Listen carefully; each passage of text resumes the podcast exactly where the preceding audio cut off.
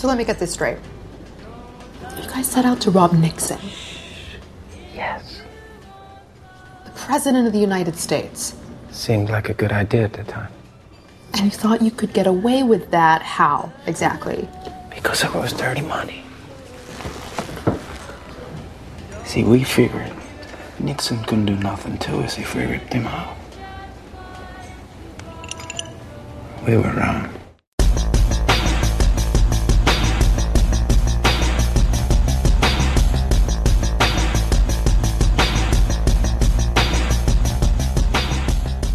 Velkommen i kassen med David Bjerre, så er vi fat i heistkomedien Finding Steve McQueen fra 2019.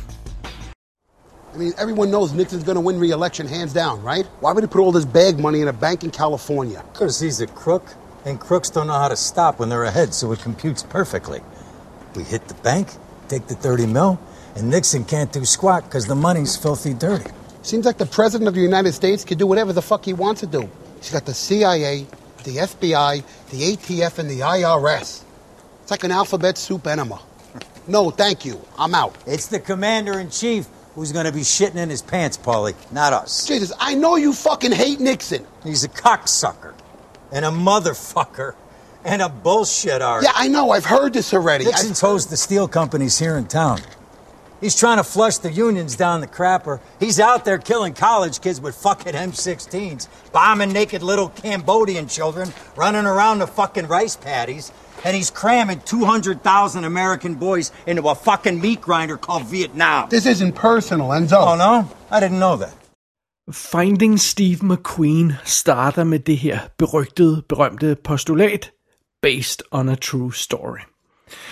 Men det er den her film faktisk, og den sande historie i centrum øh, er det såkaldte Laguna Niguel heist.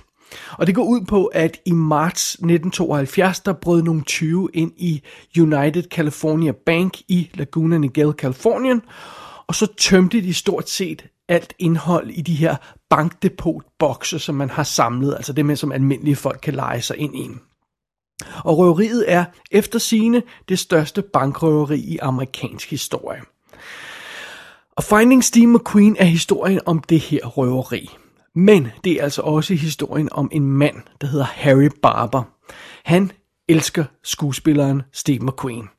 Og han er, er fan af Steve McQueens film. Han klæder sig ud som øh, McQueen i, sin, i, i sin hverdag, og han sætter ovenkøbet håret som Steve McQueen. Han er mega fan. Lad os bare konstatere det. Og Harry her, han arbejder i sådan lidt sølle job for sin kriminelle onkel Enzo. Og der er en ting, man skal vide om Enzo, det er, at der er intet, han hader mere i den her verden, end den satan Richard Nixon, som jo altså sidder i det hvide hus på det her tidspunkt. Nixon var en fusker. Det kan der ikke herske nogen tvivl om. Han var en bundhammerende korrupt, lodret kriminel fusker. Og den slags fusk, som Nixon havde gang i, koster altså penge. Og det er så her, vi når til kuppet, fordi Enzo får nemlig opsporet informationer om, at Richard Nixon har skjult 30 millioner dollars i ulovlige kampagnemidler, som han, han skal bruge til at blive øh, øh, genvalgt til amerikansk præsident. At han har skjult de her penge i, i en bankboks i den her bank i Kalifornien. Og det er de penge, som er målet for røveriet. Enzo han samler en lille bande 20, herunder Harry, og hele gruppen tager så afsted til Kalifornien for, at, for at røve den her bank. Og vi ved, at kuppet lykkes. Det er ikke nogen hemmelighed. Men vi ved ikke præcis, hvordan det lykkedes, og vi ved heller ikke, hvad der sker efterfølgende. I hvert fald ikke, når vi starter med at se den her film. Og det er simpelthen den historie, som filmen her, Finding Steve McQueen, vil fortælle. Og filmen er instrueret af Mark Steven Johnson. Det navn virker muligvis en lille smule bekendt, fordi han var øh, en ganske kort periode, var han sådan lige hot shit. Han øh, debuterede som spillefilminstruktør med Simon Birch, og kort tid efter øh, fik han lov til at lave Daredevil, som jo var et relativt stort hit, altså den med Ben Affleck, og efterfølgende lavede han Ghost Rider, så han red lige på den tidlige bølge af de her superheltefilm. Øhm, Ghost Rider var vist knap så stort hit, det, det er jeg ikke helt sikker på. Under omstændigheder så øh, Mark Steven Johnson, han gik videre og lavede sådan noget som When in Rome og Killing Season ingen af dem øh, lavede vist øh, det, det store raballer. Men altså, Daredevil kan vi godt blive enige om er et mesterværk. Det tror jeg, det tror jeg de fleste vil være enige i. Eller også ikke. Derudover har øh, instruktøren her altså også skrevet manuskripter. Han har skrevet til bladet Grumpy Old Men øh, øh, fra 1993, og så har han skrevet Christopher Robin, altså historien til Christopher Robin, den relativt nye film. Så det er det. Øh, hovedrollen som øh, Harry Barber, der også går under navnet Steve McQueen, bliver spillet af Travis Fimmel. Ham kender man muligvis, hvis man har fulgt med i tv-serien Vikings, hvor han øh, vist nok spiller hovedrollen i de første sæsoner. Han er også med i Warcraft The Beginning. Så ser vi øh, Rachel Taylor som Molly, der er hans kæreste, og hende kender man muligvis fra tv-serien Jessica Jones. Øh, derudover så kommer vi til, til, til røverne i, i den her historie. Enzo, øh, eller Lorenzo, som han i virkeligheden hedder, øh, Rotella, bliver spillet af William Fickner. Og ham har vi haft med i øh, kassen her i øh, Hot Summer Nights, hvor han er super cool. Jeg tror, han brød sådan rigtig igennem med Prison Break, om jeg så må sige. Øh, men derudover så kender vi ham fra en masse andre ting. Han var Roger Van Sant, ham de skal stjæle øh, øh, øh penge fra i Heat. Han er med i Albino Alligator. Han er den blinde gut kendt i øh, Contact, og så er han en af astronauterne i Armageddon. Vi, vi elsker William Fichtner. Ham, ham kender for en masse af ting. Øh, derudover der, er, der, er der tre andre røvere med i filmen. Riz øh, øh, Coro, tror jeg, han siger, øh, tror man siger, spiller Ray. Ham kender jeg ikke så godt skuespillerinden. Louis Lombardi spiller Paulie Callahan, som er sådan en lesbende gangster, og der er et eller andet ved den der måde, han talte på. Jeg, jeg simpelthen, der, er, der er et eller andet, der gør, jeg kender ham der fyren, han ser velkendt ud, men også den der måde, han taler på. Jeg kendte ham fra et eller andet.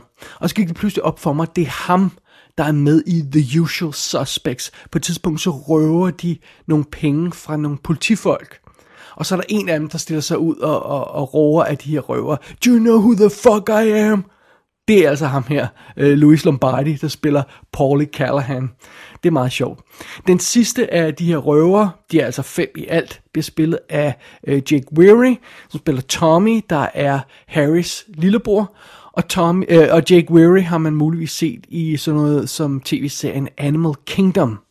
Og så har vi haft ham i kassen før i det her, han spiller med i It Follows og Some Beavers.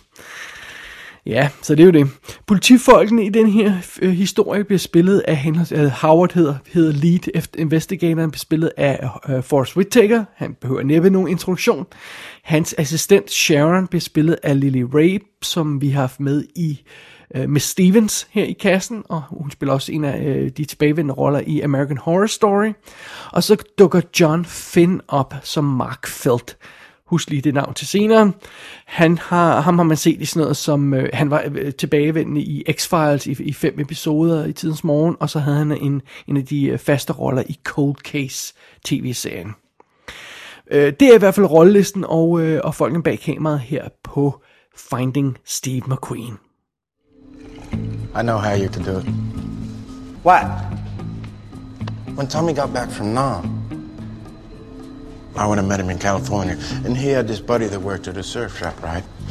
And in his shop, he had this shit in an aerosol can, and he'd spray it into surfboards, into the dents. Anyway, it had come out goopy, right? And then after a few seconds, it'd expand, swell up like crazy. And then after a couple of minutes, it would go rock hard. So they could shape the surfboard, you know, uh, trim it, sand it, you know. Uh, the surfboards look like brand new. Okay? So we all know how to fix a surfboard now. What the fuck does that have to do with the alarm? Squirt the goopy shit through the vent, let it expand, harden. I'll stop the dinger from hitting the bow.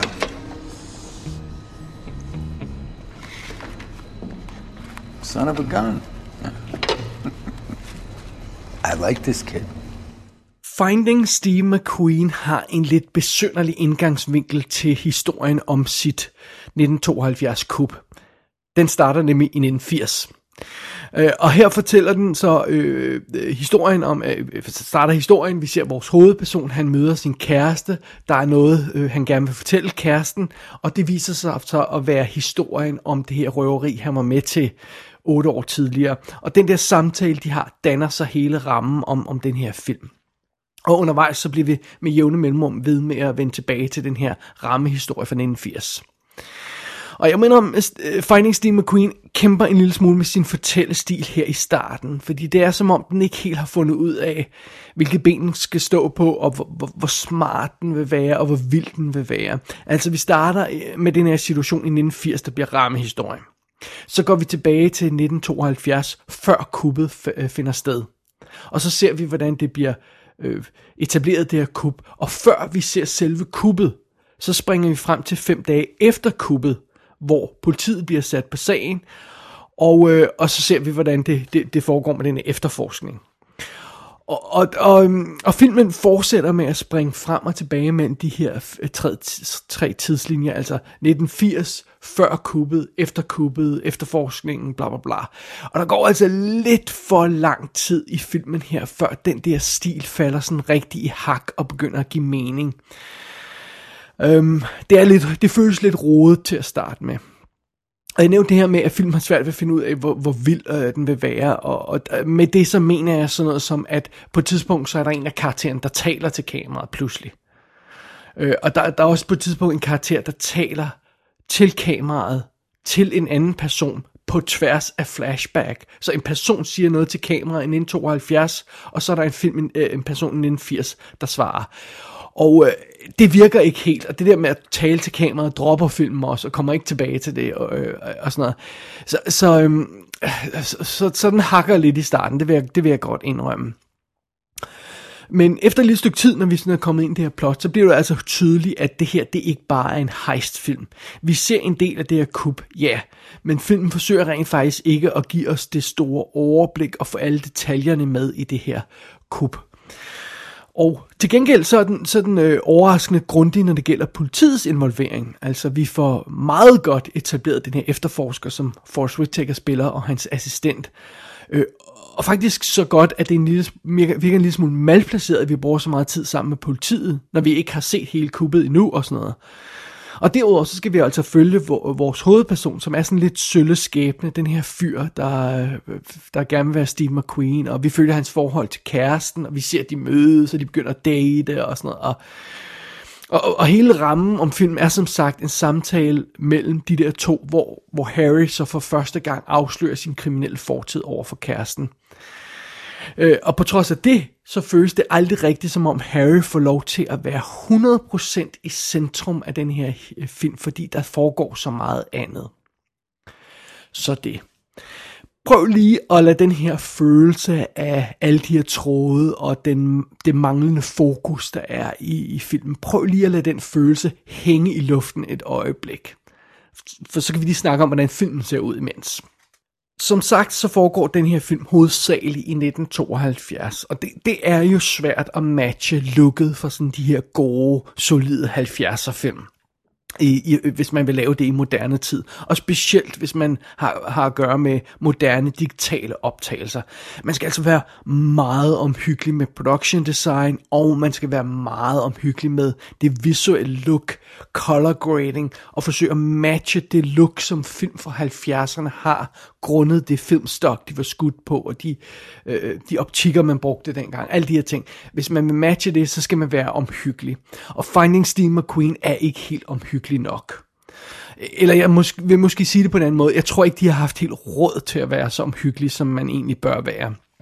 Så den her film ser lidt spøjs ud nogle gange. Den ser lidt billig ud. Den har sådan et meget digitalt udseende faux 70'er look.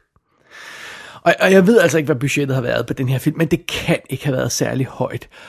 Og, og det er en lille smule synd, og, og det får filmen til at se lidt kikset ud her og der. Men okay, fair nok. Når musikken spiller, så synes jeg, det går an. Så kan man godt glemme, at den, den ser lidt for moderne, lidt for billig ud. Og apropos musik, så får filmen øh, lidt bonuspoint, fordi den rent faktisk har plads til et et par øh, periodekorrekte sange, for eksempel sådan noget som Crimson and Clover og Money Money og sådan noget. Øh, så der er sådan et, et, et par sange, der virker som om, de, de kommer fra en rigtig tidsperiode, de spiller på soundtracket, og så får man lidt ekstra periodestemning via det. Øh, men hvis man altså øh, kigger alt for grundigt på filmens visuelle side, så virker den en lille smule off. I hvert fald til at starte med, indtil man, man kommer ind i den. Og øh, med hensyn til at komme ind i filmen, så synes jeg rent faktisk, stille og roligt efterhånden, som den her film skrider frem, så synes jeg, at den begynder at give mere og mere mening. Det er som om alle de der øh, løse tråde i plottet, alle de her ting, den vil, øh, de begynder sådan øh, at falde i hak, alle de her elementer. Det er øhm, det her med kuppet og politiets efterforskning og vores held og sådan noget. Det begynder at give mening, hvorfor filmen har det fokus, den har. Og som nævnt, så begynder den også at droppe nogle af de ting, der ikke rigtig virker og sådan noget. Øhm, men med hensyn til, hvordan det hele begynder at give mening, tag for eksempel sådan noget som politidelen øh, som jeg øh, øh føler, fylder lidt besynderligt meget, som jeg nævnte tidligere. Øh, men fidusen er jo, at 20'erne er ude efter de her Nixon-penge. Og det virker jo ikke specielt relevant. Okay, so what? Det er Nixons penge. Øh, og hvad skulle det her relevans af, af noget som helst af? Jamen prøv at høre. Øh, fidusen er jo så, at, at, at på et tidspunkt, når vores øh, øh, politimand her er kommet ind i sin efterforskning, øh, så dukker der pludselig en kæmpe gruppe agenter fra FBI op. Og, øh, for at hjælpe ham med efterforskningen. Og pludselig er han kontoret fyldt af FBI-agenter, og han undrer sig lidt over det her, øh, Force Whitakers karakter. Øhm, og så er det jo, at chefen for de her folk kommer og præsenterer sig, og så begynder tingene at give mening, fordi den her chef hedder jo altså Mark Felt. Og hvis man lige husker tilbage, hov, virker det navn ikke bekendt? Måske gør det. Øh, det er ham, vi alle sammen bedre kender, kender under hans dæknavn, Deep Throat. Mark Felt var ham, der hjalp Woodward og Bernstein med at knække Watergate-sagen. Og det er altså ham, der står i spidsen for de her FBI-agenter, der kommer for at efterforske den her sag, hvor Nixons penge måske er blevet stjålet. Og pludselig begynder det her kup jo at falde i i hak i sådan en, det falder på plads i sådan en større politisk sammenhæng. Øh, og, og det begynder at give mening, hvorfor det her kup er så interessant, og hvorfor vi har brugt så meget tid på politifolkene, hvor pludselig havner de jo i det her, øhm, altså Watergate-sagen er ved at rulle på det her tidspunkt i 72, og, og, øhm, og der, der, der er ved at ske ting og sager, og, og, og Nixon er i problemer og sådan noget. Det, det begynder alt sammen at passe sammen, og det giver, det giver som sagt mening, hvorfor vi pludselig har, har brugt så meget tid på at etablere de her politikarakterer, for de får en vigtigere rolle at spille, end vi først antagede. Øhm, og det er også ligesom, som om den her rammehistorie med Harry og hans kæreste begynder at give mere og mere mening, jo længere vi kommer ind i det her plot. Vi får forklaret, hvordan de politiske aspekter er. Det giver mening, at, at den her link mellem 1980 og 1972, at det, det er spring, der er i tiden, det får vi forklaret og sådan noget. Og, og jeg har det faktisk sådan, at, at portrættet af, af Harry, den her super Steve McQueen-fan, det her portræt, det ender faktisk med at blive ret rørende. Han er ikke det her en lille smule anstrengende fjols, som man tror, han er i starten. Og, og filmen ender med at få bundet alle de her ting sammen på en ret tilfredsstillende måde. Altså vores held, Steve McQueen, politiet, øh, kuppet, Nixon-pengene, alt det her løjse bliver bundet sammen på en, på en ret fed måde. Og jeg, jeg synes rent faktisk, Finding Steve McQueen ender med at blive en charmerende lille film. Den er meget lille, og den er lidt for billig. Det vil jeg godt indrømme. Og jeg tror også, der er nogen, der vil synes, den er alt for lille og alt for billig. Fred være med det. Jeg endte altså med at være ret begejstret for filmen, med visse for, forbehold taget i betragtning. Øhm, jeg synes, den har en behagelig let tone, og den er, den er fuld af, af spøjse karakterer, små gode momenter og sådan noget, hvor man tænker, tænker ah okay, der har de alligevel, øh, der har de, det, det, det er sgu meget godt tænkt, det er meget godt skrevet, det er meget godt fundet på det der. Øhm, og, og, og så har den den her underfundige held i centrum, som ender, ender med at fungere ret godt. Og derudover, så kan jeg, altså, jeg, jeg kan skide godt lide måden, som den binder det her øh, Nixon-historien ind i kuppet på og sådan noget der. Og, og, og faktisk den her ikke-lineære fremgangsmåde, som historien har i, sin, øh, i måden, det bliver fortalt på, den ender også med at give mening og, og falde i hak.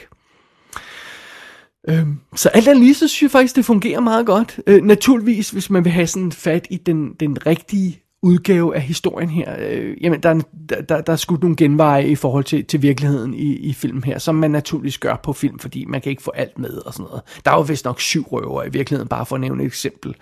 Øhm, men der er flere interessante detaljer i den her historie, også i måden, øh, hele plottet bliver afsløret på og sådan noget. Der, der er flere af de øh, øh, aspekter i den her lille billige film, om jeg så må sige, hvor de har ramt fuldstændig plet på, på, på historien i forhold til virkeligheden. Og, og det synes jeg er meget fedt.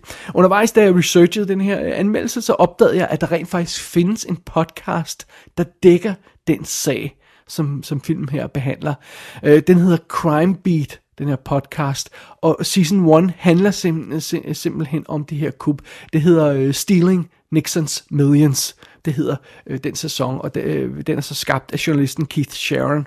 Og jeg, jeg har ikke hørt den her podcast endnu, men, øh, men jeg er lidt spændt på den, fordi øh, jeg kunne godt forestille mig, at det kunne være en, en rigtig fed true crime historie øh, at, at, at kaste sig over. Og, og det er jo altså så også blevet en, en, en udmærket øh, lille true crime film, based on a true story, øh, som, som, som det her, det her kub, det her, det, har, det har skabt i den her film, Finding Steve McQueen. Øhm, filmen her får altså et par advarsler med på vejen, men hvis man lige tager dem i mente, så kan jeg rent faktisk godt anbefale den her film. Det er, det er en øh, finurlig lille øh, crime-historie, som man, man sagtens kan sætte sig ned og nyde. Finding Steve McQueen er ude på amerikansk iTunes. Jeg har set der også er rygter om en DVD og en Blu-ray på et tidspunkt, men det er altså ikke noget, jeg har noget konkret info på endnu. Og jeg er heller ikke sikker på, at det helt vil være nødvendigt at få en fysisk skive på den her film for de fleste. Gå ind på ikassenshow.dk for at se billeder for filmen. Der kan du også abonnere på dette show og sende en besked til undertegnet. Du har lyttet til I Kassen med David Bjerre.